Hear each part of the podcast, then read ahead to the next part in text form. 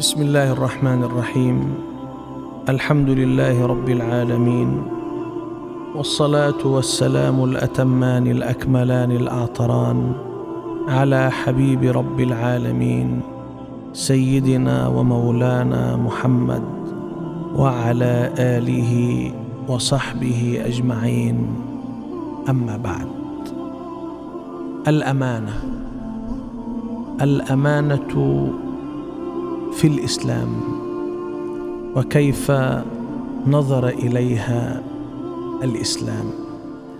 يقول الله سبحانه إن الله يأمركم أن تؤدوا الأمانات إلى أهلها وإذا حكمتم بين الناس أن تحكموا بالعدل إن الله نعم ما يعظكم به إن الله كان سميعا بصيرا. إن الله يأمركم أن تؤدوا الأمانات إلى أهلها. لا يمكن أن تؤدى الأمانات إلى أهلها إلا إذا اتصف المؤدي بفضيلة الأمانة. لا يمكن أن تؤدى الأمانات إلى أهلها على وجهها الصحيح إلا ممن اتصف بفضيلة الأمانة إلا ممن يرعى حقوق الأمانة حق رعايتها. روي في سبب نزول هذه الآية أن الرسول صلى الله عليه وسلم حين فتح مكة أراد أن يدخل إلى الكعبة المشرفة فدعا عثمان بن طلحة وكان بيده مفاتيح الكعبة وكانت مفاتيح الكعبة له. فلما جاء عثمان قال له النبي صلى الله عليه وسلم أرني المفتاح. وهو يعني بذلك مفتاح الكعبة. فلما مد عثمان يده بالمفتاح وقف العباس بن عبد المطلب عم رسول الله صلى الله عليه وسلم. قال يا رسول الله بأبي أنت وأمي اجمعه لي مع السقاية.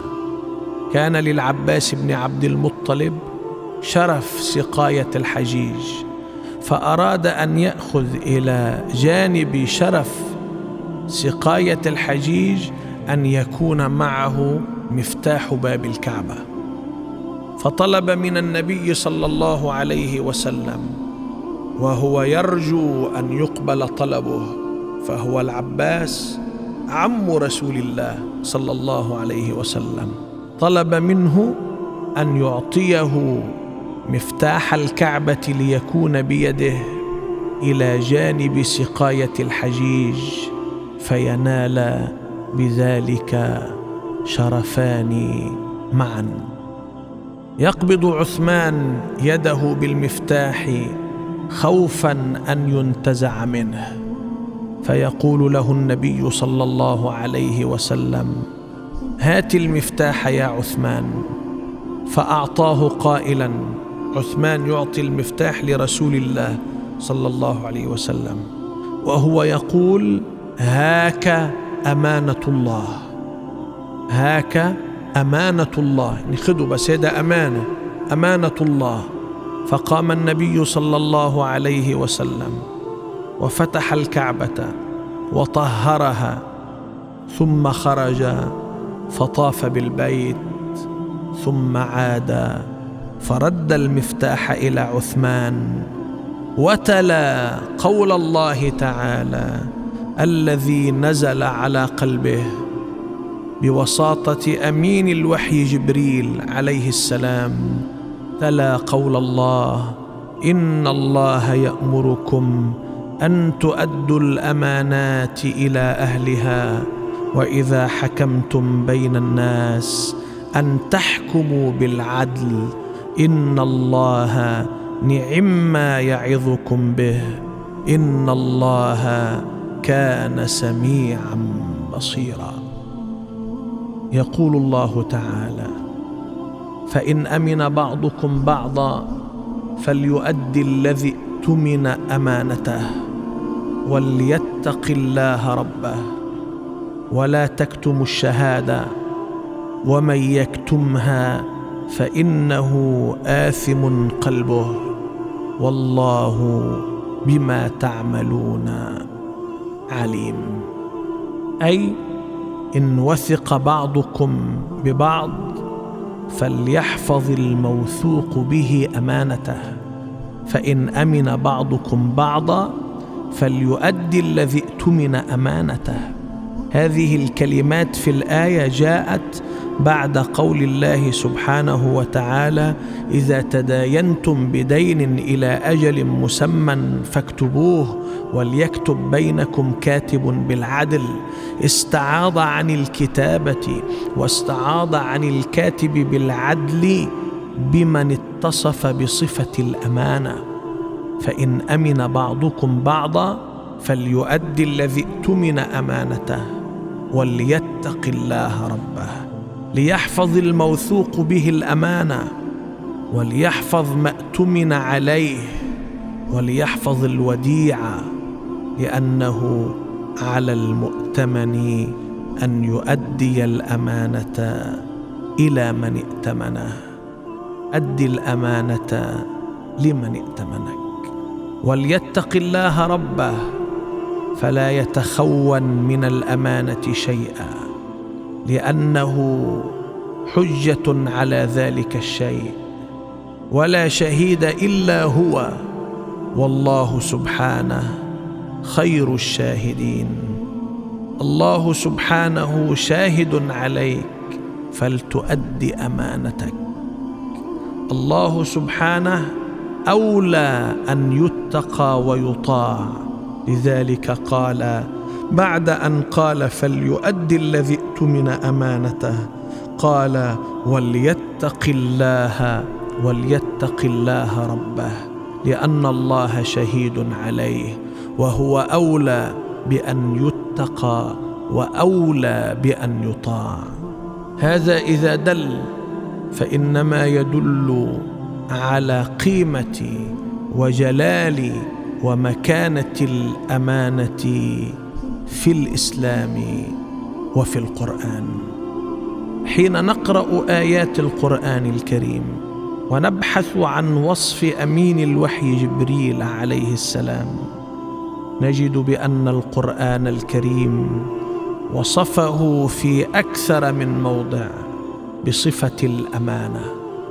بأنه أمين فقال تعالى نزل به الروح الأمين على قلبك. الروح جبريل الأمين هو وصفه بالأمانة أي المؤتمن على وحي الله لا يزيد فيه ولا ينقص منه. ويصفه في سورة التكوير فيقول إنه لقول رسول كريم أي عن القرآن ذي قوة عند ذي العرش مكين. مطاع ثم أمين. وقد كان النبي صلى الله عليه وسلم يوصف قبل الدعوة وقبل نزول القرآن عليه يوصف عند قريش بأنه الصادق وبأنه الأمين. وكانوا إذا دخل عليهم يقولون جاء محمد جاء الصادق جاء جاء الأمين. أكثر من ذلك يشير القرآن الكريم أكثر من مرة أن رسل الله عليهم الصلاة والسلام موصوفون بصفة الأمانة. يقول تعالى في سورة الشعراء ما قاله نوح لقومه إني لكم رسول أمين.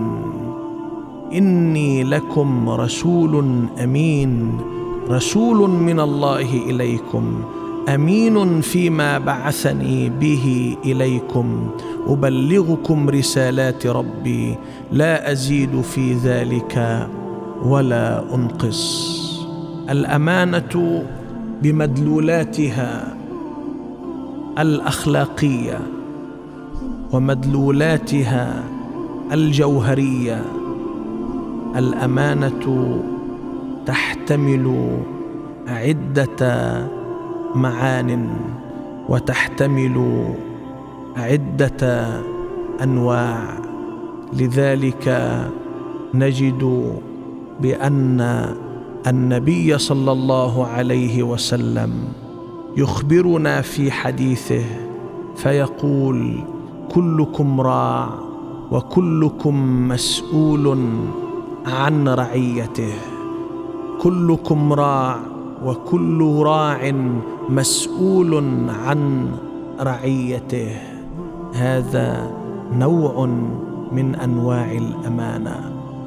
نوع من أنواع الأمانة الرعاية لكل ما في عهدة الإنسان من أشياء حسية أو معنوية. هذا الحديث النبوي الشريف يشير إلى هذا المعنى يشير إلى النهوض والرعاية بكل ما يعهد إلى هذا الإنسان من أشياء حسية من أشياء معنوية. عمل وظيفة مهنة تربية مسؤولية منصب مركز حرفة مهنة كل هذه أمور تحتاج منا أن نتصف معها بالأمانة. كلكم راع وكل راع مسؤول عن رعيته.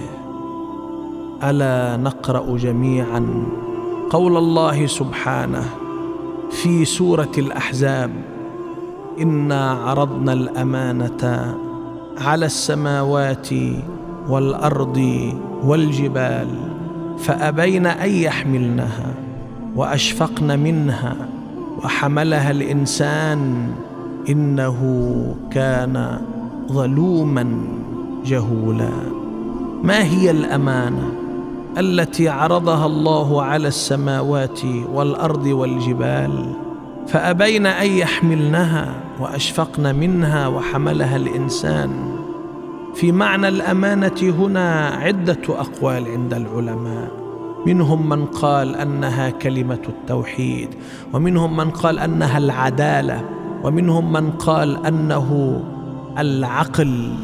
فإن العقل هو الذي من خلاله نتحصل على معرفة التوحيد وتجربة العدالة.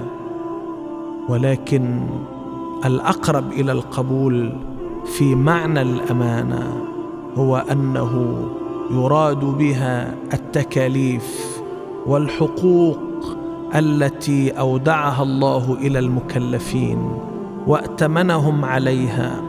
وأوجب عليهم تلقيها بحسن الطاعة والانقياد وأمرهم بمراعاتها وأدائها والمحافظة عليها من غير إخلال بشيء من حقوقها. هذه الآية الكريمة التي جاءت في سورة الأحزاب والمقصود منها هو تصور خطورة التكاليف التي كلف الله بها هذا الإنسان.